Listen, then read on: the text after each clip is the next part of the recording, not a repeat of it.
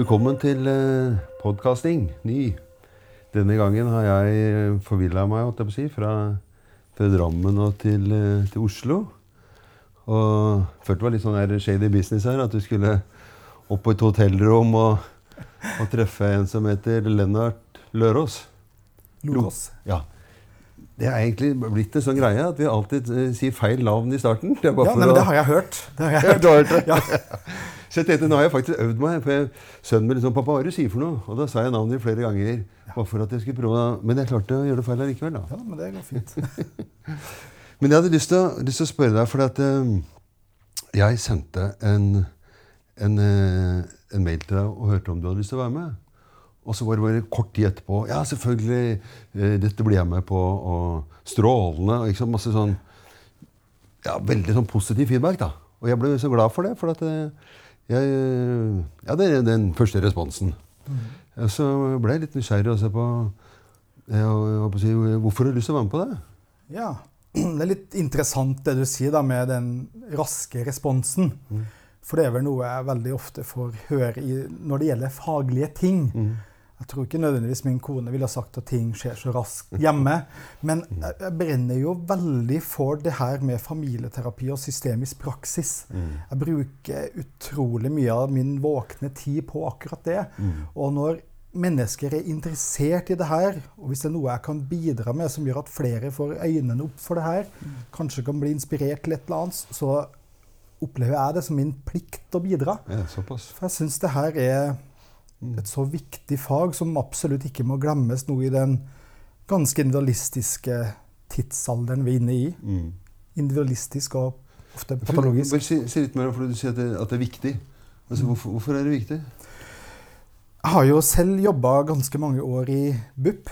Ja. Eh, og har jo sett den dreininga som var der fra å tidligere være et sted hvor familieterapeutiske ideer sto utrolig sterkt. Mm. Eh, Gert Henrik Wedler var jo en viktig veileder på det stedet jeg jobba i mange år. Men så så vi etter hvert at det skjedde en sånn tydelig invalistisk dreining. Eh, manualiserte invalistiske retninger tok stadig mer overhånd. Og det språket familieterapeutene snakka, som gjerne ikke var så konkluderende og så ekspert i ordlyden, da, det mm. begynte å forsvinne. Mm. Og eh, det ser vi, eller har vi sett mange steder, og det ønsker jeg å bidra til en motvekt til. Mm. Og jeg syns også vi kan se en endring. Ja, så fint. Eh, vi ser jo f.eks. som på studiene hvor vi har, hvor jeg nå kom rett fra VID i dag, hvor vi har hatt to nye masterklasser på første dag.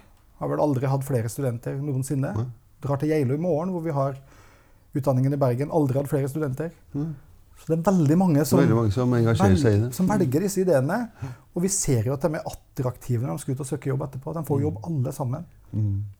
Jeg har lyst til å liksom dra For dette øh, øh, Denne podkasten som vi lager her i, har, du, har, du, hørt på noen av de, de, andre vi har laget? Ja, jeg har hørt på flere av episodene. Ja. Ja.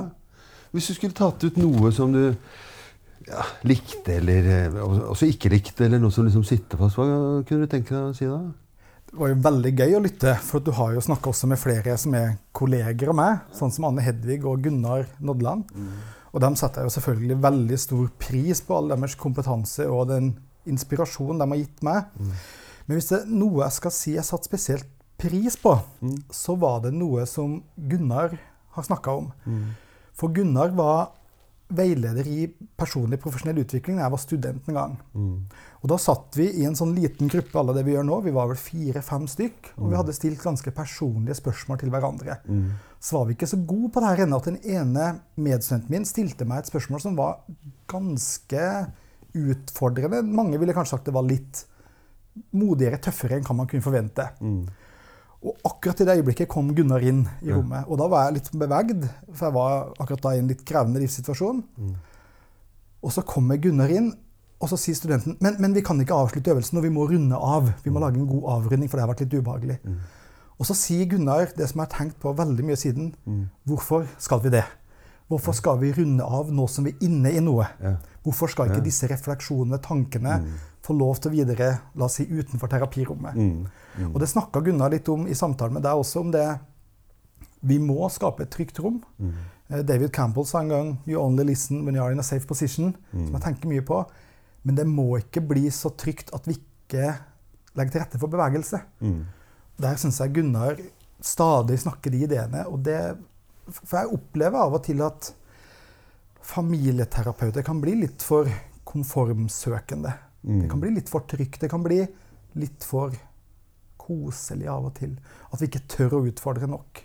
Jeg minner meg om en sånn eh, samtale jeg hadde med, med en mor og far og et barn nå, bare noen dager siden. Nå, hvor ja, barnet hadde en sånn opplevelse av at, eh, at pappa kunne være litt så streng, og, og, og faren kjente seg ikke helt igjen. Og så var det liksom, vi måtte runde av, som vi sier det. Vi måtte avslutte. da. Og den følelsen av at eh, han ikke liksom Nei, dette, dette må jeg tenke mer på. eh, nei, dette forsto jeg ikke helt. Ikke sant? Det der, hvor han liksom runder av der hvor det er så lett å begynne på'n igjen. ikke sant? Og si, ja, men liksom Begynne å pakke det inn. Og det der med så å kjenne at ok, nå må du gå herfra og ikke vite helt hva datteren din vil. Hun har sagt noe til deg som du kan bruke eller ikke bruke. Og så er det som jeg tenker at du må stole litt på den prosessen. da. Det å kunne liksom ja, tørre også som, som meg som terapeut, når jeg er i den rollen, tørre å at liksom når folk kommer ut på gata, så står de der og slåss eller kliner, for å si det sånn. Og begge to må jeg tåle. Eh, Men jeg kjenner jo det der ubehaget, at det er fint liksom, at du blir litt sånn konforme, som du kaller det. eller? Ja, og det er også trygt for oss å være i det landskapet. Og jeg har jo vært med på mange sånne faglige diskusjoner at det her er for tøft å snakke om, her er det for høy temperatur. Og, og ofte da med par og familier som faktisk bor sammen. Og så her skal vi liksom ikke tørre å snakke om det, og så sender vi dem hjem i bilen etterpå. Det, det vi ser, er et mildt utdrag av det som foregår der hjemme i bilen på vei hjem. Vi må tåle det. Vi må legge til rette for en trygg kontekst hvor de kan snakke om det som er vanskelig å snakke om. Og så må vi ikke pakke det inn mer enn at vi er med og Jeg liker å tenke på det som å forlenge terapitimen. da. Vi har typisk 45 minutter, kanskje 60 på en lang time. Det er utrolig kort tid. Det er der ute de lever sine liv. Og det å tørre da å sette i gang noen prosesser som ikke lukkes umiddelbart, det, det tenker jeg er viktig. Mm. Men det må, det må være stort nok, det vi åpner opp. Mm. Det er noe annet å være tørr med en, en, en mann som kommer kanskje for seg selv, enn om det er en familie med et barn. Mm. Vi må selvfølgelig justere det, men Mm. Så det tenkte jeg mye på. Ja. Eh, Gunnar snakka jo en del om det. Ja. ja. Jeg syns jo det er liksom litt fint at eh, Ja, dette med Disse responsene som går og går, liksom. Altså det, Ja. hvis det er noen som hører på det, og så er det noen som har hørt på det, så forteller det til en annen. Og så, altså det som Ja. Mhm. Eh, og så hadde jeg lyst til å, å, å høre med deg på eh, eh, Du sendte meg en CV. ja. Og jeg så at det er jo veldig mye du har gjort. Og ting du har skrevet, og bøker og artikler. Og eh, kan godt komme mer tilbake til det også, men jeg ble så litt nysgjerrig på, eh, på deg, da. Og, og, og hvem du er, eh, og kanskje veien til, til det som står på denne CV-en. CV Ja. Og så var jeg liksom lurte på hvis, hvis du skulle tenke på faren din, da. Og hvis han skulle si noe om hva han kanskje var mest stolt av ved deg, eller veien din, eller personligheten din og hva, hva ville, Hvordan ville du snakka om det? Eller fortalt om det? Ja, da vil jeg også legge til at jeg kommer fra en veldig sånn lite akademisk familie. Mm. Med en mor som var hjemmeværende i alle år, Mm. og en far som har vært leder for Fagforbundet og jobba i kino i mange år. Så det var i, i kino, som Kino, kinomaskinist. Ja, mm. Så det var veldig lite som har ligget til rette for en sånn akademisk karriere og terapikarriere, da, som kan si det. Men det jeg tror han vil være stolt over, om det er noe, det er nok en veldig innsatsvilje. Mm. Og det å tørre å investere den tida som trengs Mm. for å få til det man selv drømmer om og vil holde på med. Mm. Så det, det er noe som han setter høyt, tror du? Det tror jeg er en verdi som eh, har vokst opp med at betyr veldig mye. Mm. Og ikke at det betyr så mye hva du driver med, Mm. men at du går inn i det med en intensjon om å gjøre det på en skikkelig måte. Mm. Det er en du, sånn grunnverdi. ja, så jeg vet ikke om du har gått på ski, da. hvis du hadde gått til skirenn, så ville den heia på innsatsen din, ikke om du vant eller ikke. Ja, absolutt. sånn? Ja. Uh, og han ville vært veldig fornøyd så lenge jeg ga det jeg kunne. Ja. Men hadde jeg kommet småsvett til mål, så ville ikke det ha vært noe som hadde stemt med hans verdier, eller familieverdier, som vi kanskje kunne kalt det. da. Ja. Ja, hvordan du, tenker du på det eh, Har du barn, forresten? Ja, har eh, to barn. Har ei datter på snart 17 og ei på snart 4, Ja. som er godt spredt. ja det er godt spredt. Ja. Ja.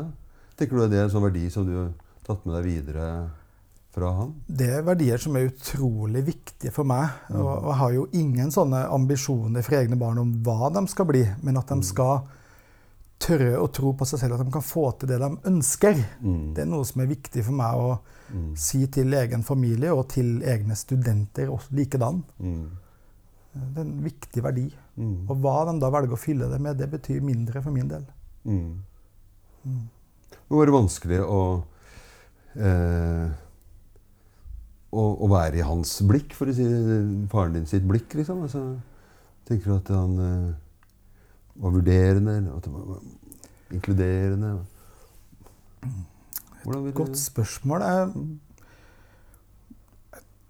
tror kanskje også veldig ofte at jeg ikke har forholdt meg så mye til akkurat de tingene. Jeg har funnet mine drømmer, og så har jeg gjort det jeg kan for å oppfylle dem. Mm. Og så får folk like det eller ikke. Men det som er veldig viktig for meg, sånn som det jeg driver med nå, faget mitt, Mm. Det gjør jeg og legger vekt på nesten uansett hva folk ville ha motivert meg for ellers. For det har vært så viktig for meg. Ja. Og hvordan fant du denne, denne, denne drømmen, eller hva du kaller det? ikke sant? Du, plutselig så høres det ut som du fant hvor du skulle hen. Og så liksom var din vei Hva var din vei inn i dette? For å, Ja. eller hva, hva, si litt om hva dette er for noe først, og, og liksom veien din inn i det. Ja, nå jobber jeg jo som eh, professor på Høgskolen på Vestlandet og professor to på VID på familieterapistudiet. Og driver også mye med privat praksis bestående av veiledning og terapi. Så det er det jeg bruker veldig mye av min våkne tid på. Og redaktør på Fokus på familien. Så det, det er mye fag. Og, og veien inn i det tror jeg starta fryktelig tidlig, hvor jeg syns ofte jeg kom i situasjoner hvor jeg endte opp som en samtalepartner på en eller annen måte. Ja. Og bidro til å prøve å få folk til å snakke sammen. Ja. Men jeg visste ikke den gang hva det het, eller at det var et fag som uh, handla om det her. Ja. Og så var det noe som jeg likte godt, og var kanskje noe jeg syns jeg fikk til også. At selv der det så håpløst ut å få folk til å snakke sammen, så fikk jeg dem til å gjøre det, og så kom det noe ålreit ut av det. Mm. Og så viste det seg at det fantes jo et fantastisk fag som het familieterapi. Mm. Men hvor, hvor ung tror du du var når du liksom Var dette når du, når du drev med å si, vennegjengen når du var liten? Da snakker vi nok uh, i tidlige barneår, ja. Ja? ja. Så din posisjon, var den lettere å lytte enn å ta plass? Eller var det ikke sånn du holdt på med det? jeg tok nok fort plass eller i denne rollen når jeg så at, eller tenkte at ikke folk fikk det til selv. Ja. Så gikk jeg inn og tok en aktiv rolle. Så du som- så en som liksom var litt utafor, eller litt i seg, eller sånn puslete, eller Ja, at du ser rett og slett noen som strever, og hvor det er et potensial for å få til en endring. da. Som, som, jeg, som jeg tror, eller tenkte, var til det beste for både den og den en sto i en utfordring med. Så tok jeg den aktive rollen på et eller annet vis, og så syns jeg ofte at det var noe jeg kanskje lyktes med. mm. Og gjorde stadig mer av.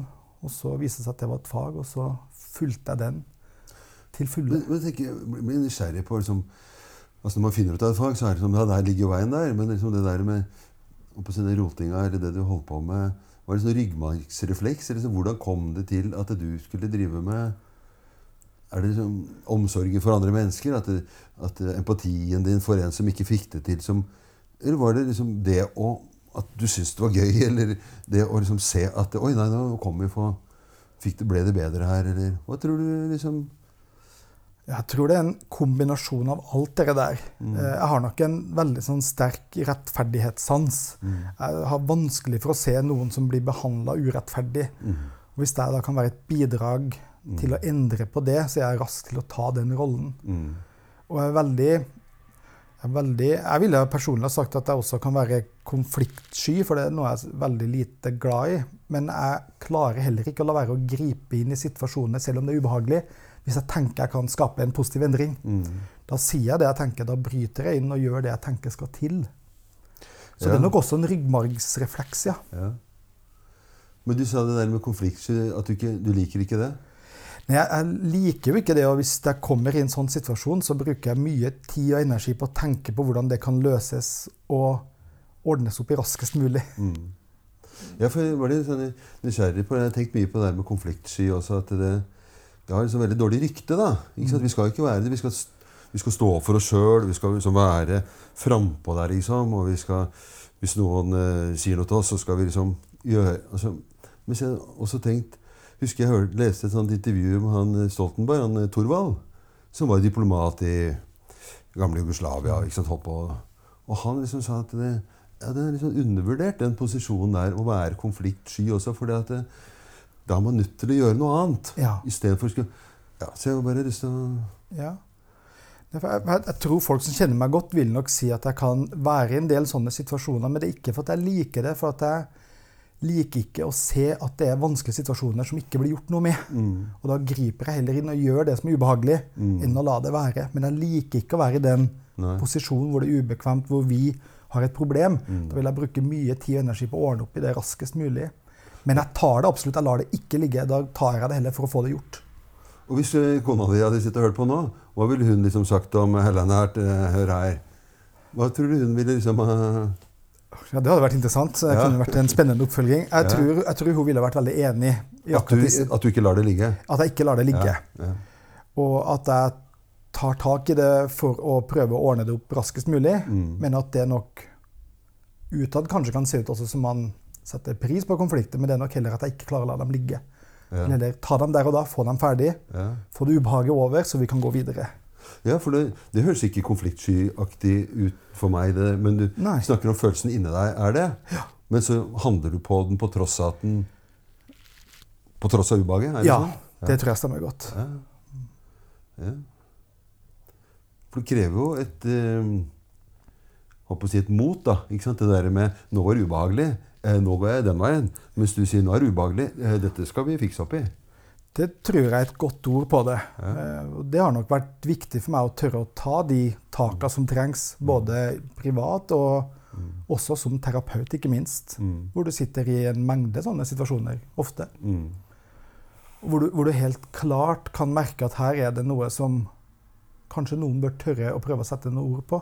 I hvert fall legge frem og sjekke ut om det her er viktig, eller forkaste det. Mm.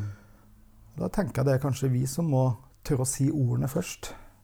Ja, og så tenkte jeg liksom, Hvis jeg skulle prøve meg litt nå, da, så kunne man tenkt at ja, eh, nå oppdager jeg ubehaget, og dette må jeg eh, ta tak i og eh, bli kvitt. Så kunne man tenkt Hoi, hoi, hoi. ikke sant? Det han var en litt sånn ivrig terapeut eller mann eller eh, kollega. eller ikke sant? Kan vi ikke, Det er fint å la ting ligge, eller la det ligge litt, eller Tenker du at kan du, Tror du at du kan framstå litt sånn overveldende? Nå gjorde jeg masse arme, armbevegelser her, men eh, Nå er vi virkelig inne i det som er viktig, tenker jeg, da. Ja. Som, som jeg har mye tanker om. Okay. Fordi at du, du spurte jo også i sted om hva jeg hadde tenkt på som jeg hadde likt og kanskje ville utfordra litt i forhold til de samtalene jeg har hatt tidligere. Mm. Og da nevnte jeg det til Gunnar. Eh, og en annen tema dere har snakka mye om, er jo det med tid. Det å ta seg tid til langsomhet. Mm. Og eh, jeg har nok et forholdsvis høyt tempo på mange ting i livet. Som å svare på mail, og Mm. som terapeut så vil jeg nok også sitte ganske langt framme på stolen. Mm. Men jeg gjør ikke det uten at det er noe som er snakka om, eller avklart om hvordan vi skal jobbe sammen. Mm. Så hvis jeg er ganske på hugget som terapeut, f.eks., eksempel, så er det for at jeg har vært veldig nøye på å ha disse samtalene om hvordan vi skal snakke sammen. Og da vil en av de spørsmålene jeg bruker mye tid på i samtale med deg, om du hadde vært min bruker eller klient, på hvordan blir det for deg hvis jeg stiller deg veldig personlige spørsmål? Hvis det skulle bli sånn at jeg tramper deg veldig nært, kan jeg stole på at du gir meg en beskjed? da? Hva vil være et tegn fra deg på at jeg kommer for nært, eller at jeg pusher på for mye? Ønsker du at jeg avbryter deg hvis, du, hvis jeg får en tanke om at vi har snakka oss bort fra det vi var enige om, osv.? Så, videre? så sjekker jeg disse tingene. Så, så den iveren er veldig tilpassa hvilke tilbakemeldinger mine klienter gir meg i en første time ved oppstart. Altså hvor langt jeg lar det gå. Men den Jeg kunne få en litt sånn tanke om når jeg lytta på tidligere episoder, at langsomhet alltid er et gode. Og det tror jeg er noe jeg vil utfordre litt. Um, for de som kommer til oss, de investerer, Hvis de kommer til en privat, så investerer de forholdsvis mye penger i å få hjelp. De investerer også mye tid. De investerer også en del tid hvor de kanskje stiller seg i en sårbar situasjon. Mm. Og jeg tar et utrolig ansvar for å bruke tida deres på en best mulig måte. Og best mulig måte kan være å gå langsomt, men det kan også være å holde på en veldig tydelig struktur med et tydelig mål vi skal gå mot. Men, men jeg har ikke en sånn grunnleggende tanke om at her må vi gå stille, rolig til vekst. Det sjekker jeg ut med dem jeg snakker om, med om hvordan vi skal snakke sammen. Og jeg er også veldig tydelig på å avklare tidlige samtaler med folk. Hva er det du ønsker hjelp til? Og er det mange ting hva er det du ønsker mest hjelp til? Hva er viktigst? Så starter vi der. Og da holder jeg nok ganske fast på det. Og hvis jeg merker at temaene dreier vekk derifra, så vil jeg heller ta opp til en ny vurdering. Er det et annet tema som er viktigere nå? Men det er ikke alltid at det tar så utrolig lang tid. Og jeg har jo også en tanke om at vi terapeuter av og til ikke er presise og tydelige nok. Mm. Og som eh, i denne boka du nevnte, som jeg var redaktør for sammen med min gode venn og kollega Ottar Næss, 'Håndbok i familieterapi', så er det et kapittel der om eh, tilknytningsbasert familieterapi, som ikke er noe jeg driver med. Men der er det et sitat fremst som Magnus Ringborg viser til, hvor en anerkjent terapeut sier gjør det samme du gjør i terapi ellers, men gjør det mer tydelig, konkret og målretta enn hva det ellers gjør. Og akkurat de ordene er viktige for meg. Mm. Har tydelige tanker om at du skal få hjelp til det du har kommet for, og hvilke dører jeg inviterer deg til å åpne da. Mm. De har nok en tydelig rød tråd til det du har bedt om hjelp til. Ja. Jeg syns kanskje terapeuter i kanskje en overdreven iver etter å gå sakte åpner en mengde dører som vi kanskje ikke har behov for. Mm. Som kanskje vi åpner for at vi som terapeuter er nysgjerrig, men som ikke klienten har initiert at det er viktige. Mm. Ja. Det var, det var spennende tanker. Eh, for jeg ville tenke altså litt sånn motsatt at eh, veldig mange terapeuter kunne være litt sånn som du beskriver deg, og som jeg også kan kjenne meg i. At, at det går, går ganske fort. Men at hvis langsomhet eh, begynner å bli idealet, så syns jeg det er spennende. For jeg, jeg tror ofte at det skjer helt andre ting. Og når du også sier det at ja, men eh, eh, Hva kommer du hit for? Så vil jeg tenke at eh, de færre, jeg skal ikke si de færreste vet egentlig hva du kommer for. Og hva er det Hva hvis, hvis Jeg vil tenke at hvis du, det å få det spørsmålet 'Hvorfor er du her?' så må man liksom snevre hele livet sitt inn og så begynne å forklare hvorfor. Som i 'Hva skal du hjelpe meg med?' Som om det er en, en ting vi skal fikse opp i. Og det tenker jeg at noen, og ganske mange, egentlig ikke vet. da. Og jo mer man begynner å forhandle seg fram til denne kjernen, så kunne jeg tenke at, eh, at vi kanskje mister noe på veien. da. Vet ikke hva du tenker om det? når jeg sier Ja, jeg, jeg synes det er veldig spennende, for jeg tenker nok veldig annerledes. Ja. Jeg, jeg tror de som kommer til oss, vet veldig godt hva de trenger hjelp til, Ja. men at det er fanga inn i masse kaos, for livet er vanskelig. Ja. Så der tenker jeg et sted jeg tar meg For når vi snakker om å gå fort, så, så er jeg ikke så sikker på om Hvis du hadde sett meg i terapi, opptak av det at det går fort, men jeg holder veldig fast i de temaene som er oppe. Mm. Der er jeg rolig og lenge, men jeg, jeg er ikke mange ulike steder. Mm. Um, men jeg tror nok at um, jeg bruker mye tid i en første time på å snakke om hvordan vi skal snakke sammen. Og, når de, og de sier veldig ofte også i samtaler med meg at 'jeg vet ikke helt hva det er'. Mm. Det er så masse. Men jeg har ikke noe tro på at jeg kan hjelpe folk med masse problemer om gangen. Så jeg bruker mye tid på å finne ut av Jeg liker ikke ordet skalering, men jeg prøver rett og slett å sjekke ut av alle disse punktene. og Jeg skriver dem ned. Jeg bruker blokka aktivt. Av alle disse punktene som alt er viktig, er det noe som kunne vært viktigere enn noe annet at vi starter med. Mm. Og uten unntak så opplever jeg at de finner et punkt som vi kan starte. Mm. Og da pleier jeg også å si til dem at men hvis det er greit for deg, så starter vi gjerne med det punktet. Og så tar jeg ansvar for, jeg har notert det her ned, ned nå, at vi kommer på punkt to og tre senere. Hvis det fortsatt er relevant. Mm.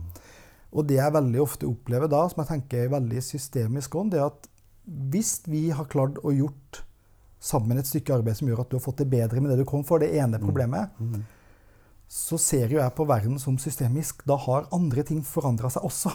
Så det som du da kanskje sa som et problem nummer to, det er ikke lenger eksisterende. Det er i hvert fall endra seg veldig. Mm. Så jeg har veldig tro på å være ett sted om gangen. Mm. eh, For ikke å åpne for mange dører. Mm. Ja, for jeg tenker Uten å lage sånn polemikk om hva som er langsomt, ellers, så tenker jeg at det, en måte å være langsom på er jo det, kanskje det som du også sier, at du er et sted av gangen. Og det, og det at du sjekker ut på forhånd, kunne være en langsomhet i det. Ja. Ikke nødvendigvis at man skal snakke på denne måten her, eller bare på innover. Ja, ja, pust for at det, at det skal være langsomt, liksom. Men eh, jeg tenker jo at det Ja, for for det er litt å sette på spissen, men jeg, jeg hørte jo på de episodene med Anne Hedvig og Gunnar som jeg likte veldig godt, og så sa begge to liksom at det skal ikke være noe T-selskap. mm, Og, og det er jeg litt opptatt av, for jeg, jeg syns det fort kan bli for konformt. mm, Og at vi kan bli, særlig hvis terapi pågår over lang tid, mm, så så kan vi også bli så symmetriske i relasjonen vår Mm. at til slutt så blir det bare to venner som sitter og prater sammen og har det veldig hyggelig. mm, Og da tenker at da har jeg Det kan godt være at det er hjelpsomt for deg. Vi vet at ensomhet er et kjempeproblem, kanskje det største problemet. Men det er ikke sikkert at det er meg du skal komme til å få hjelp for det. Mm. Da blir jeg en veldig kostbar støttekontakt. mm, Da tenker jeg at hvis jeg har gjort en god jobb som terapeut, Mm. så har jeg forhåpentligvis klart å aktivert mm, sammen med deg de personene som er viktige for deg, slik at de, altså de relasjonelle styrkene rundt deg er aktivert på en annen måte. Så du, du skal ikke trenge meg som den Mm. Kompisen er det T-selskapet. Jeg vil at det her skal være en og Nå utfordrer vi kanskje litt, da, men jeg vil at det her skal være en strukturert form for endringsarbeid. Men da er det endringsarbeid i forhold til det du har kommet og bedt om endring til. Mm. Ikke en forhåndsdefinert tanke jeg har om hvordan du skal leve ditt liv. mm. Men hvis du tenker, hvordan, hvordan du eh, Hvordan passer du på at du er i eh, en situasjon hvor det, blir, eh, hvor det ikke blir for konformt? Hva gjør du Si at en person liker å snakke med deg da, og har lyst Ja. til å komme igjen. Og du tenker at eh, ja, men det skal skje noe her hver gang. Vi skal ikke bare kose oss, Ja. liksom. Så kan man jo tenke at ja, men ja, har, du noe, meg, har du noen grep liksom, for å for å ikke bli konform? Ja, eh, jeg, prøver jo i veldig stor grad å drive med terapi tydelig knytta til teori Mm. og forskning. Mm. Og det betyr ikke at det er fasiten. Og når jeg bruker teorier, så bruker jeg dem improvisert og mye sånt. Men de gir meg en del virkemidler som kan hjelpe meg. Mm. Som det å prøve å passe på at ikke vi blir for symmetrisk. Mm. Så jeg tenker Det er viktig at vi ikke blir for forskjellige, men ikke blir for lik heller. Og det betyr ikke at jeg setter meg selv over, men jeg representerer noe annet. Mm. Og det gjør at hvis du hadde kommet hit til meg i terapi i dag, Mm.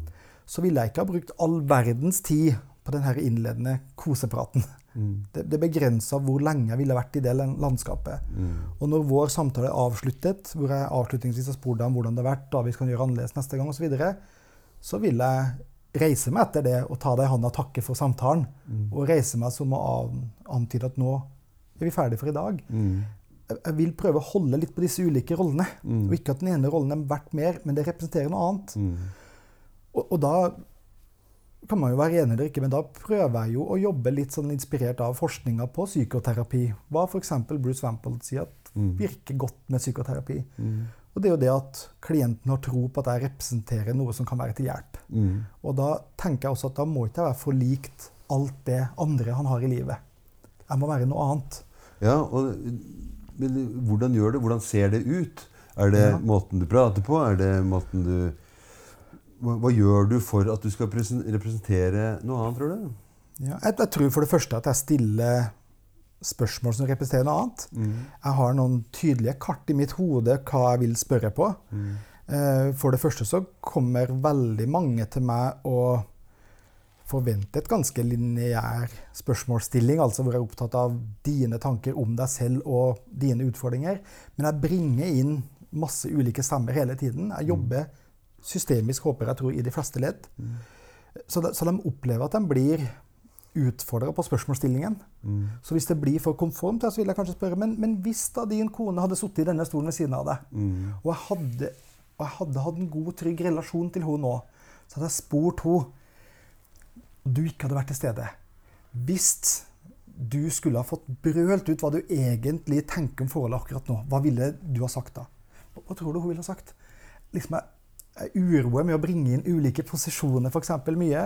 Mm. Men jeg kan også gjøre det litt sånn strategisk med at, som jeg pleier å si til studenter Jeg har hatt, jeg har hatt en del par i veldig høykonflikt, og hvor vi nærmer oss et nivå hvor jeg tenker at nå Vi er ikke helt der ennå, men jeg, jeg kjenner på en tiltagende bekymring. Og så opplever jeg kanskje at jeg har mista den naturlige autoriteten som jeg føler at jeg må ha for å kunne skape en viss endring her. De, de sitter bare og kriger. Og da bruker jeg de virkningsmidlene jeg kan ha. Det kan være at jeg da i en time tar på meg en dressjakke som gjør at jeg kanskje uttrykker noe annet. Jeg har eh, et verktøy jeg har brukt masse. det er at jeg har, Når jeg har hatt disse parene noen gang, så har jeg lagt Norges lover på bordet før de kommer. Masse gullapper inni boka. Har jo ikke sett i boka engang, men den ligger der. Og jeg kommenterer den ikke engang. Den ligger bare midt på bordet. Og jeg initierer samtalen igjen. Og det gjør noe med relasjonen. Det gjør noe med hvordan vi snakker sammen. Ja. Som gjør at jeg klarer å ta tilbake den rollen kanskje som jeg trenger for å representere noe annet. Ikke noe bedre, men noe annet. Mm.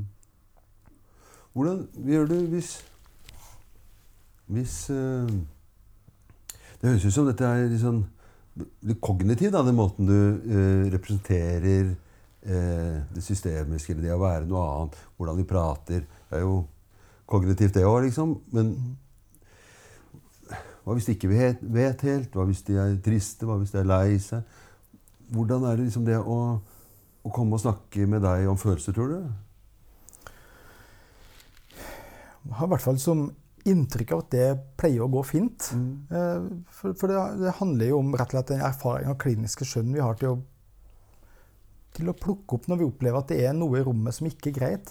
Det, det å når vi snakker om det med høyt tempo, kanskje så blir det litt feil, men det handler nok mye om å være på ett sted om gangen.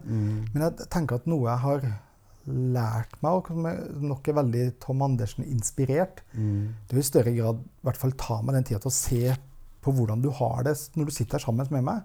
Og hvis jeg blir hvis jeg får en følelse av det du uttrykker kroppslig, at nå er noe vanskelig, nå er noe fryktelig sårt, så i stedet for å ta for gitt at jeg vet hva det betyr, så sier jeg det.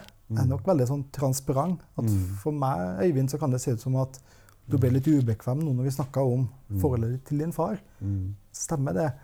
Og da kan jeg nok være der ganske lenge. Og så er det jo den alt, alltid vanskelige biten, syns jeg, at hvor mye skal vi la oss bevege oss, tillate oss å la oss bevege av den andre? Det er jo vanskelig å Jeg tenker vi, vi må jo få lov til å være mennesker og bli berørt. Men det må ikke bli sånn at min berørthet overtar den andres problem, og at jeg sitter her som den mest berørte i rommet. Ja. ja. For det kan man tenke at vi, hvis terapeuten gråter mest, så, så, må det være, så er det noe Eller hvis terapeuten skal Nå skal jeg bare en liten digresjon her. Og så er det den som sitter og forteller om sitt liv. Men i hvilken grad bruker du, bruker du deg og Kunne tillate deg f.eks. Å, å gråte i en terapitime, for å si det sånn? Ja, vet du, det, det opplever jeg at det er rett og slett helt uunngåelig mange ganger. Jeg sitter og hører så mye tøffe historier. Da jeg foreleste i dag, så viste jeg til noen historier fra f.eks. bare det å drive forskning, hvor det er så tøft at det, at det er helt umulig å ikke vise det. Og det ville ha vært helt umenneskelig å ikke skulle ha vist det. Eh, og jeg kan gjerne dele ting fra eget liv, og det gjør jeg. Men jeg, men jeg er veldig bevisst på at mine historier må ikke vinne over de andres. Mm. Og jeg hørte en historie her fra en person som hadde vært i terapi, som opprørte meg veldig. Mm. Og vedkommende var berørt, for hun hadde mista noen som var veldig viktig for seg, men som var gammel når vedkommende døde. Og det var, det var en stor sorg, og jeg vil kalle det en livskrise i livet uansett, for de hadde et sånn tett bånd. Og da sa terapeuten sånn som at det kunne han kjent seg veldig godt igjen, for han hadde opplevd å miste noen som var viktig for seg. Han mista dattera si da hun var veldig liten. Mm. Og da blir det for meg en sånn helt forferdelig måte å bruke det på. Mm. Da alt han sier, da trumfer alt. Mm. Han hadde mista et barn, vedkommende hadde mista en, en eldre familiemedlem. Mm. Um, så jeg er veldig bevisst hva jeg velger å bringe inn. Mm. Og jeg bringer ikke nødvendigvis inn noe. Det er noe som skjer hvis jeg Mm. opplever at det er naturlig. Eller, eller rett og slett hvis jeg kjenner at her er det noe som jeg gir så resonans til meg. Mm. At her har jeg lyst til å bringe inn noe, så vedkommende gjør hva han eller hun vil med det. Mm. Men det må i hvert fall ikke legges fram fra meg på en sånn måte at vedkommende tenker at nå representerte jeg den perfekte måten å leve livet på. Mm. Hvordan du burde ha håndtert det. Mm. Det, det jeg deler, er ikke perfekte eksempler fra egne liv. Nei. Nei, det kan jeg liksom kjenne meg igjen i, for at da, da blir det maktbalansen enda Ja. større mellom de som kommer og legger inn penger, og de som tar imot. eh, Sånn at det å skulle snakke opp, men Og, og vi lever jo ikke perfekte liv heller. Vi, vi lever, de kan jo ofte tenke at det er litt tilfeldig hvem som sitter på hvilken side her. mm, Vi kan jo kjenne oss fryktelig igjen i det den andre sitter med. mm, Uh, og det kan kanskje også av og til Jeg tenker også gjennom av og til en gang at blir det her litt for nært for meg i den livssituasjonen jeg er akkurat nå, mm, til at jeg skal håndtere det? mm. Og det, det opplevde jeg at vi var veldig gode på på min tidligere arbeidsplass å tørre å snakke om. At Ja. akkurat nå står jeg i en livssituasjon som er sånn og sånn. Mm. Kanskje skal ikke jeg ha akkurat denne saken nå. Mm. Eller i hvert fall ikke alene. Mm. Ja. Jeg bare slo meg i, i en, en, eh, en veileder som jeg gikk til, som var i en vanskelig situasjon. Og, og, og vedkommende hadde jo Visste jo at jeg jobba med det jeg gjorde, og det gjorde hun, eh, hun også. Og da var det jo sånn at eh, denne timen her, den deler vi. Nå er det først meg, og så er det deg. Som jeg tenker også at eh, Kanskje en av de tingene som Som har brent seg mest fast i meg fordi man lar Akkurat det som du snakker om, at det, det er ikke noe forskjell. Vi kunne ha bytta stol. Mm. Det er bare fordi at eh, jeg tar på meg den lagerfrakken når jeg kommer inn her. Så det, altså når jeg går ut, Mm. eller hjemme i mitt liv, så, så er, det, er det greier der òg. Og det tenker jeg også at det er en sånn, en veldig sånn verdighet i, i å kunne vise det. da. Ja. Som eh, Ja. Og jeg tror jo personlig, eller det er ikke noe jeg tror det er helt overbevist om, at jeg er en mye bedre terapeut i dag etter også å ha kjent på perioder med litt motvind. Mm. Så, så tenker jeg at jeg langt større grad kan forstå og anerkjenne menneskene som sitter hos meg, selv om de gjør det vi rett og slett kan si de dummeste ting i en krisesituasjon. Mm. For jeg har gjort det selv. Mm. Og du kan råde folk, eller, eller liksom de kan råde seg selv også, så likevel så går de ut og gjør det som bare skader relasjonen mer. Mm. Men du kan forstå det, for det har vært en krisesituasjon selv. Ja, Hvis du skulle sagt litt om den motevinden din som du har håper jeg, lært mest av, hva, hva skulle det vært eh, som du også kan, kan eller som, som du bruker, eller som har gjort at du, du er den du er i, er i dag? Ja. Um, jeg har jo også ei datter fra tidligere, Mm. så jeg har også vært i et samlivsbrudd. Mm. Og jeg tenker at å ha vært gjennom det på godt og vondt, Mm. og det er et samlivsbrudd, er sjelden uproblematisk, men liksom når det har lagt seg litt, og man finner måter å snakke sammen på igjen og sånt, og det å kunne koble mine egne livsopplevelser fra den vanskelige tida Mm. til det som klienten forteller meg, Mm. og i stedet for å fort havne i en sånn tanke om at men hvordan i all verden gikk du ut og gjorde det der, da? Mm. Det der er jo åpenbart for alle at det var fryktelig dumt. Mm. Tenkte at det her skulle løse noen ting. Mm. Så kan jeg i dag tenke at men herregud, du er jo du så, For da kan jeg også erindres kolleger fra tidligere sant, om kunne snakke om folk som øh, Negative ordelag om at mennesker gjør de tingene. Men jeg har jo gjort de tingene selv. Jeg har sagt de dumme tingene, jeg har gjort de dumme tingene. Mm. Og hvis du ikke har vært i sånne situasjoner selv, så blir det vanskelig å kunne anerkjenne dem du møter som er i sin livskrise. Mm. Så, så jeg har jo litt sånn tro på at uh, jeg må ikke ha opplevd det mennesker som jeg snakker med, har opplevd, men jeg bør også ha kjent at livet kan lugge Mm. aldri så lite av og til. Men te- te- tenker du at det, Har du noen moralsk eh, sperre? Altså, jeg, jeg kan gå dit, men ikke lenger, liksom? Som du tenker at uh, I, i samtale med Ja, i klientene. samtalen, liksom. At, at, som du sier at ja, det, Jeg må ikke ha opplevd alt det, det du har gjort, men jeg må ha gjort noe sjøl òg. Men har du Er det en sånn linjal, liksom? Og så ut, er bak der Der går du ikke. Tenker du på hva jeg kan dele fra eget liv, da? Nei, ikke, øh, ja, det, det er også spennende. Ja. Men jeg tenkte også på liksom, hvis jeg kom med noe Ja. hvor liksom Jo mer jeg prater, så jo mer rygga du. For at nei, Ja. nå er du utafor, Øyvind. Dette ikke sant? Har, har du en eller annen stopp, stopp liksom Tror du? Ja, nei, der tror jeg stoppene er få. Mm. Der eh, jeg, har en sånn jeg håper og tror jeg har en sånn utrolig genuin interesse og respekt for de livene folk velger å leve, og de tingene de velger å gjøre. Og en sånn grunnleggende tanker om at mennesker vil, vil hverandre godt og er intensjonelt gode. Så, så der er jeg nok heller utrolig nysgjerrig Mm. og interessert. Jeg kan nok være med langt inn. Mm. Og i senere tid så har jeg også jobba litt med dette polimiljøet. De som har flere partnere, eller kanskje også ønsker å ha flere partnere. Eh, og, og der har jeg ikke noen sånne begrensninger hvordan jeg stiller spørsmål. Jeg har begrensninger hvordan jeg lever eget liv, men ikke hvordan jeg, hva jeg lar meg bli med inn i. Mm. Men jeg vil nok også tillate meg der, og i stedet bare for å bli forelsket i de spennende å leve, måtene å leve livet på, Mm. så vil jeg nok også tørre å utfordre det litt. Mm. For det er jo gjerne ikke bare ens egne behov som skal tas hensyn til. Det er flere også. Mm. Og spesielt er det barn med i bildet, så må Mm. du tørre å stille noen litt tøffe spørsmål. Men jeg kan nok bli med ganske langt, ja. Jeg blir med langt.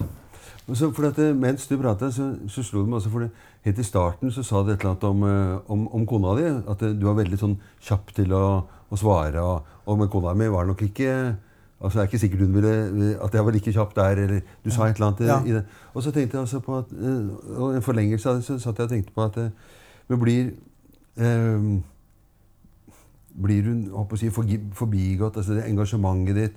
Du stiller opp på alt. Hvordan blir, blir det noe plass igjen, liksom? Eller, Vi, vi skal dit, da, ja. Nei, jeg vet ikke. Ja. Jeg, nei, jeg vet ikke hvor, vi- hvor vi skal dit. Men jeg blir liksom, tenkte hvor blei det av henne? Sånn satt jeg og tenkte på når du prata. At Ja. du har så engasjement, du skriver? Det var masse artikler som du hadde sendt til meg. Eh, og eh, du brenner i dette, det hører jeg. Mm. Og så tenkte jeg også liksom at ja, det er jo Hvordan eh, Skal ikke drive parterapi med deg. Det høres ut som akkurat det vi skal. Ja, nei, men, men kanskje det er det der. Jeg veit jo ikke helt hva det er for noe. Jeg var mer opptatt av liksom den der eh, Hvor du sa Ja, det du sa, da. Om Ja. at eh, Nei, det her tar jo mye tid, eh, Ja. sant? og det engasjementet. Men uh, heldigvis da, så er jo hun også familieterapeut. Oh, ja. Så, så hun kan jo det her veldig godt og forstår min iver i det her faget. Men det er klart det tar mye plass. ja. Men, men sånn sett så er jo jeg i en veldig privilegert situasjon med måten jeg jobber på i dag. At jeg styrer arbeidshverdagen i veldig stor grad selv. Mm. Så vi har jo ei lita jente som skal, skal i barnehage eller ikke. Og alt det, jeg har jo veldig mulighet til å justere døgnet selv med hvilken tid jeg jobber på. Når jeg gjør terapi, når jeg jobber akademisk. Eh, Jeg kan jo være veldig tilgjengelig på tider der andre ikke er det. Og så har jeg uker der jeg er i Oslo, sånn som nå, skal til Geilo, hvor man er borte. Men det gjør jo også at jeg kan være, i hvert fall ifølge boken, være veldig til stede hjemme, da. ja. Men det er klart at uh, det her faget er en rask av, ras, lett å la seg avlede av i privatlivet. ja. Jeg skulle si litt om min prosess også i eh, eh, Ved at jeg kontakta deg òg. For jeg altså, har møtt han Ottarnes noen ganger. så jeg, Han er på blokka mi, så han kommer etter jul. for å si det sånn. Men han sa eh, eh, 'ring til Lennart', ikke sant? Og så, Han svarer jo forholdsvis raskt på mail, han også. Han er også ganske kjapp på. Og så tenkte jeg, Han også er sånn professorgreier, og så kommer en ny sånn professor. Og, så, og da, da snakker jeg om prosessen min, da. For da blir jeg litt sånn svett. Hva, faen, eh, ikke sant, hva har jeg bidratt med her? Og jeg ser at eh, jeg trodde som professor de var veldig veldig gamle, og også kanskje litt sånn sære eller et eller annet. Du er veldig, både veldig ung og jovial, og det er ikke måte på. Og så, hvor, hvordan er veien din? Altså, hvor- når du, vet ikke hvordan man blir helt sånn eh, professor, eller? Nei, for, for min del så var det jo sånn at min vei inn i familieterapien var at jeg var så utrolig heldig, og det, det er jeg så glad for. Jeg hadde jo Hans Christian Michaelsen som klasselærer i fire år. Og han er jo alt jeg ikke er. Han er kreativ, han er leken, han er så sosial og så modig. Men det han var så fantastisk på, var å klare å utfordre meg akkurat passelig. Eh, Liksom ut av komfortsonen, men ikke for langt. Så han gjorde dette faget så spennende at når masterstudiet var ferdig etter fire år, så tenkte jeg at nå kan jeg ikke gi meg. Det her er så spennende. Og jeg, mer jeg lærte, jo mindre så jeg at jeg kunne.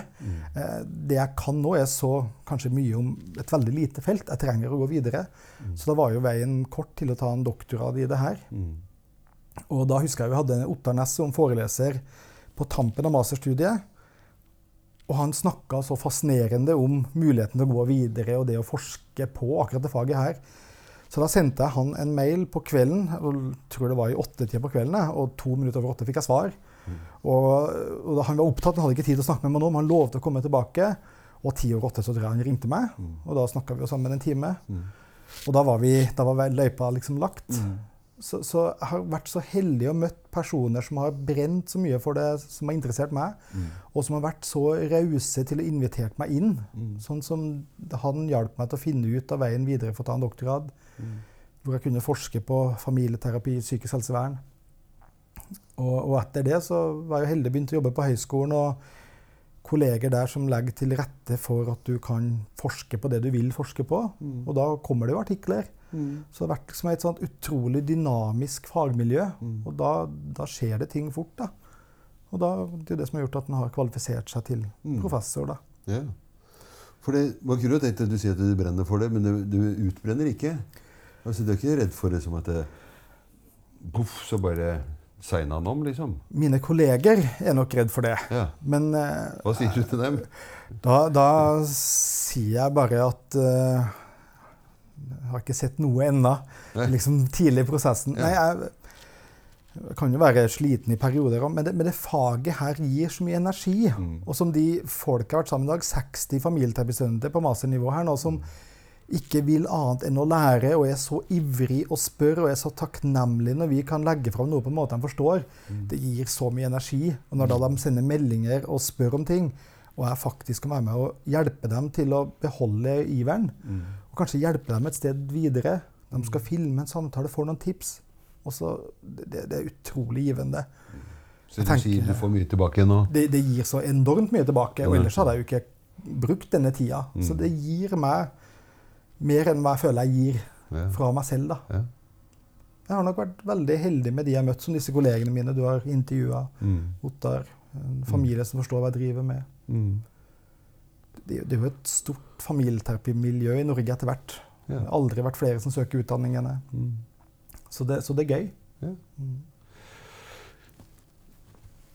Hvis du skulle sagt åssen har du hatt i dag, da? Altså, ikke hele dag, men eh, siden eh, vi kom opp på hotellrommet ditt og, og til nå? Jo, det har vært eh, veldig fint. Mm. Um, jeg syns det har vært en spennende samtale. Og så er det litt interessant å snakke med deg her når du sitter her uten noe som helst manus. Mm. For når jeg sendte deg min CV og noen artikler, Mm. så var det for jeg tenkte det skulle være til hjelp for deg, for å gjøre det lett for deg å ha noe å spørre på. Ja. Men det å snakke uten, det er jo veldig spennende å se hva som blir til, da. Mm. Eh, Det, det er du skuffet? Ab absolutt ikke. Eh, Det, det jeg tenker litt på, det var Når vi snakka tidligere her om Så brukte du etter noe kognitivt over det her. Mm. Og litt usikker i hva du legger i det, men det er jo en metode jeg ble pålagt en utdanning i for mange år siden, yeah. og har brukt litt tid på når jeg var pålagt det i sånne typisk det man kaller i BUP, da, lidelsesspesifikke saker, hvor det er en isolert angst, eller hva det er. Mm. Eh, Men det er nok en metode som jeg i dag er veldig skeptisk til. Mm. Og bruker veldig lite av et ord jeg Mm. Eh, forbinder meg selv veldig lite med. Mm. Eh, og jeg jobber nok, vil nok heller tenke at jeg jobber veldig tydelig ut ifra noen systemiske ideer. Mm. Men ikke nødvendigvis de mer språksystemiske eller samarbeidende dialogiske som heter i dag. Jeg er nok veldig mye mer inspirert av systemisk praksis, sånn som det presenteres av Leeds-teamet gjennom Leeds-manualen, disse kildene der, da, det engelske miljøet. Mm. Eh, Det var en student som sa til meg en gang i en veiledning Mm. Jeg ble så overraska som sa Når bestemte du deg for å bli en strukturell terapeut? Ja. Og det hadde jeg aldri tenkt meg selv Nei. som. Ja. Men det har jeg tenkt mye på siden. Mm. Og tenker liksom fortsatt litt på det, da. Mm. Så det var bare det ordet kognitiv som, Ja. Jeg, som jeg tenkte litt på. Ja. Som jeg ikke kunne kjenne meg igjen i. Nei, for jeg tror, ikke jeg, prøvde, eh, jeg tror ikke jeg prøvde å definere deg inn Nei. i en kognitiv terapi.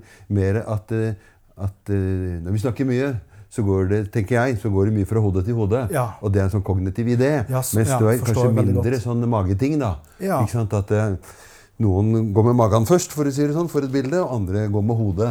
Ja. Og det var kanskje det Ja, det jeg du spurte deg etter, da, om, om du var litt sånn Jeg tenker jo at jo fortere går, eh, så er det lett, så er det hodet som går fort. Ja. Magen går så fort han vil, hvis Ja. du skal si at følelsene ligger der. Og det var nok det eh, jeg prøvde å lage et sånn skille på, da. Men det er jo veldig interessant, fordi at jeg hørte jo du, Anne Hedvig og Gunnar også for så vidt snakke litt om den her Skal man følge magefølelsen og ikke, og Mm. ta seg tiden til det? Mm. Og det er nok noe Spørsmålene kommer nok ganske lett til meg. Mm. Så er nok mye i spørsmålene sånn, men Mm. med magefølelse var det etter hvert som jeg opplever å bli mer erfaren, så syns jeg at jeg raskere kan fange opp når det er et eller annet som ikke blir satt ord på. Ja. Og er det magefølelsen, jeg vet ikke, eller er det blikket at jeg tar meg tid til å se på? Mm. Eller litt usikker. Eh,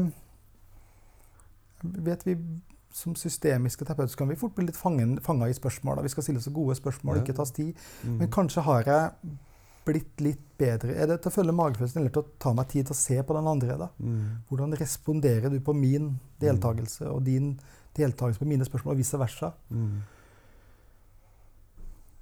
Så magefølelse, kanskje det er det.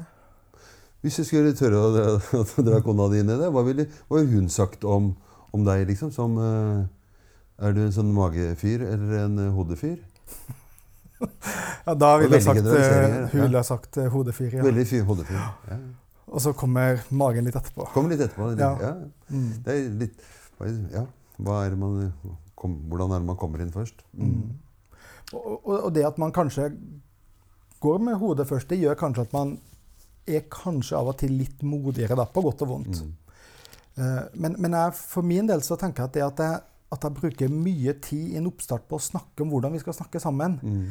det gjør at også den stilen som jeg kanskje har, da, Mm. den blir også litt Den blir litt tillatt. For jeg er veldig nøye Tillagt eller til? Til- Tillatt. Ja, det er tillatt. Ja, at altså Ja. at dem jeg snakker Mm. med, dem Jeg spør dem veldig i detalj innledningsmessig om hvordan vi skal snakke sammen. Mm. Og, og no, jeg syns det er litt sånn overraskende når jeg spør mennesker om Er det viktig for deg å alltid få snakke ut, f.eks.? Og da opplever jeg at familieterapeuter har en sånn tanke om at de selvfølgelig alltid må få snakke ut. Og det er lett å være enig i. Mm. Men det er ganske mange når jeg spør det spørsmålet som sier at nei, for alt i verden, du må stoppe meg. Jeg snakker meg alltid vekk. Mm. Eh, og noen få sier at det, det er veldig viktig at jeg får alltid snakke meg ut, for jeg vet ikke hva jeg tenker før jeg har Mm. hørt meg selv. Inspirert av Harry Gleason. Mm. Men, men det at vi bruker lang tid på å snakke om hvordan vi skal jobbe sammen Ja, for jeg liker jo den du sier der. for at det, Hvis jeg hadde gått til deg, da, så ville jeg likt å få det spørsmålet, sånn at jeg kunne tenkt at eh, Nei, du må være forsiktig for eksempel med meg. Du må Ja. være forsiktig med å avbryte. For jeg har jo jeg prater tysk, så egentlig. at det Verbet er på slutten, så du har ikke skjønt en dritt. Hvis du ikke, altså skjønner du? Så det er jo den andre måten. Men det kunne Ja. også være, som jeg kjenner meg igjen i, at det, ja, hvis vi skal holde denne, høre på den slangen der, den har vi hørt mange ganger. Jeg tror ikke det kommer noe inn der. Skal vi kutte den der, så sparer vi tid og penger. Mm. Så det er jo den der balansegangen. Men det å få det spørsmålet tydelig og, Ja. og tidlig, det tror jeg har vært godt å høre. For vi har en sånn dialogisk tanke Eller vi har, jeg skal ikke sette ord i andres, men vi har, mange har en sånn dialogisk tanke. at Folk må alltid få snakket, må alltid få den tiden og roen. Men alle ønsker ikke akkurat det, for noen kjenner seg selv så godt også at de vet at de tar sidespor som ofte ikke er fruktbare. Og da vil de at vi skal være aktive agenter til å stoppe det, identifisere det og bringe oss tilbake. Og det at jeg bruker den tiden innledningsvis, det gjør jo at jeg også har et ganske tydelig kart for meg for hvordan vi skal jobbe sammen. Og jeg vil jo også spørre deg da har du vært til noen lignende som meg før? Hva satte du pris på da? Hva satte du ikke pris på? Og da tar jeg nesten teatralsk og vise at jeg noterer ned de tingene. For det er jo avgjørende for meg å ta hensyn til det. Og hvis noen da ønsker at jeg skal være mer lyttende, mindre aktiv, så kan jeg jo tilpasse meg det. Mm. Men jeg har noen tydelige tanker om hvilke spørsmål jeg vil innom av og til. For jeg vil holde et systemfokus. Jeg vil absolutt se etter sammenhenger og mønstre. Mm. Jeg vil nok være nysgjerrig og undrende på ord som du bruker som jeg ikke nødvendigvis vet hva betyr. Mm. Og jeg syns jo det er ofte når jeg spør på det vi kanskje kan tenke på som selvfølgelig ord, at det du beskriver, er noe jeg ikke kunne ha tenkt på forhånd at du legger i det begrepet. Mm. Så, så der eh, men, men den måten å jobbe sammen på, den kommer etter denne samtalen om samtalen. Før vi har starta. Mm. Der bruker jeg mye tid. Ja, det hører jeg. Jeg tenker litt sånn på å, å begynne å runde av litt. Jeg. Og lurer på om du Tenker du at det, Har du fått sagt det du har lyst til å si? Altså, vi kan jo sikkert sitte her i, i timevis, eh, egentlig. Men tenker du at eh, Hvis du skulle kjent etter i hodet ditt eller i magen din, da, eller, og, og at- du har fått eh, sagt noe som du hadde lyst til å si, eller Ja. sitter du igjen med noe som helt nederst der som I magen.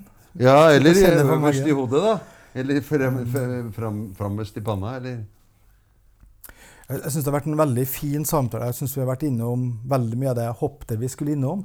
Det, hvis det er noe jeg tenker på litt sånn til sist, så, så er det kanskje det at jeg, jeg syns familieterapifeltet generelt har vært litt sånn Brukt det litt som en unnskyldning for at vi mister plass i enkelte kontekster. Og sagt liksom at vi lever i en pressa tid, og vi lever i en tid som legger vekt på, vekt på evidens og manualer og alt det her. Og jeg syns det er en litt lettvint unnskyldning av familieterapifeltet å bruke det lenger. Vi har enormt mye forskning på familieterapi i dag. Det er en evidensbasert metode i en mengde land, hvis vi skal forholde oss til begrepet. Og vi kan like det eller ikke, men enkelte kontekster krever at vi forholder oss til de begrepene. Og jeg tenker familieterapeuter bør kanskje i større grad gjøre oss litt kjent med den forskninga som ligger der ute. Det at vi er nysgjerrig, undrende, sosialkonstruksjonistisk, det betyr ikke at vi ikke trenger å forholde oss til forskning. Det er masse å hente der også, men det representerer ikke svaret eller sannheten. Men det er ting å hente der. Og jeg tror familieterapi kunne fått enda større utbredelse hvis vi også hvis også vi hadde vært villige til å prøve å bygge bro med disse litt mer positivistiske kontekstene, som somatikken, som diagnoseverden. mm. Jeg er ikke noe glad i diagnoser i seg selv, men jeg har jo masse klienter som har fått det, som setter pris på at de har fått det. For det er et språk de forstår. Det har gitt dem noen muligheter. Jeg har vært med møtt foreldre som opplever at det at barnet fikk den diagnosen, det var trist, men det var også godt på et vis, for det fratok dem for noe skyld de hadde. Og det at vi snakker gjerne om disse de andre som at de er slik, og at de er så lukket. Jeg syns vi også i ganske liten grad bidrar til å bygge bro. Hvis vi skal se på oss selv som sosialkonstruksjonister og ikke vet svaret på alt, så bør vi også være åpne for at det fins andre svar enn våre Ikke egne. stenger det ute. En liten sånn brannfakkel, for å kalle det det, fra Ja, professoren. da må vi også være villige til å tenke at vi kanskje tar feil av og til. Ja, vi må koble på andre kunnskapskilder av og til. Du, tusen hjertelig takk for eh, samtalen. Tusen takk for invitasjonen. Ja, så høres vi igjen. Takk. Ok. Ha det.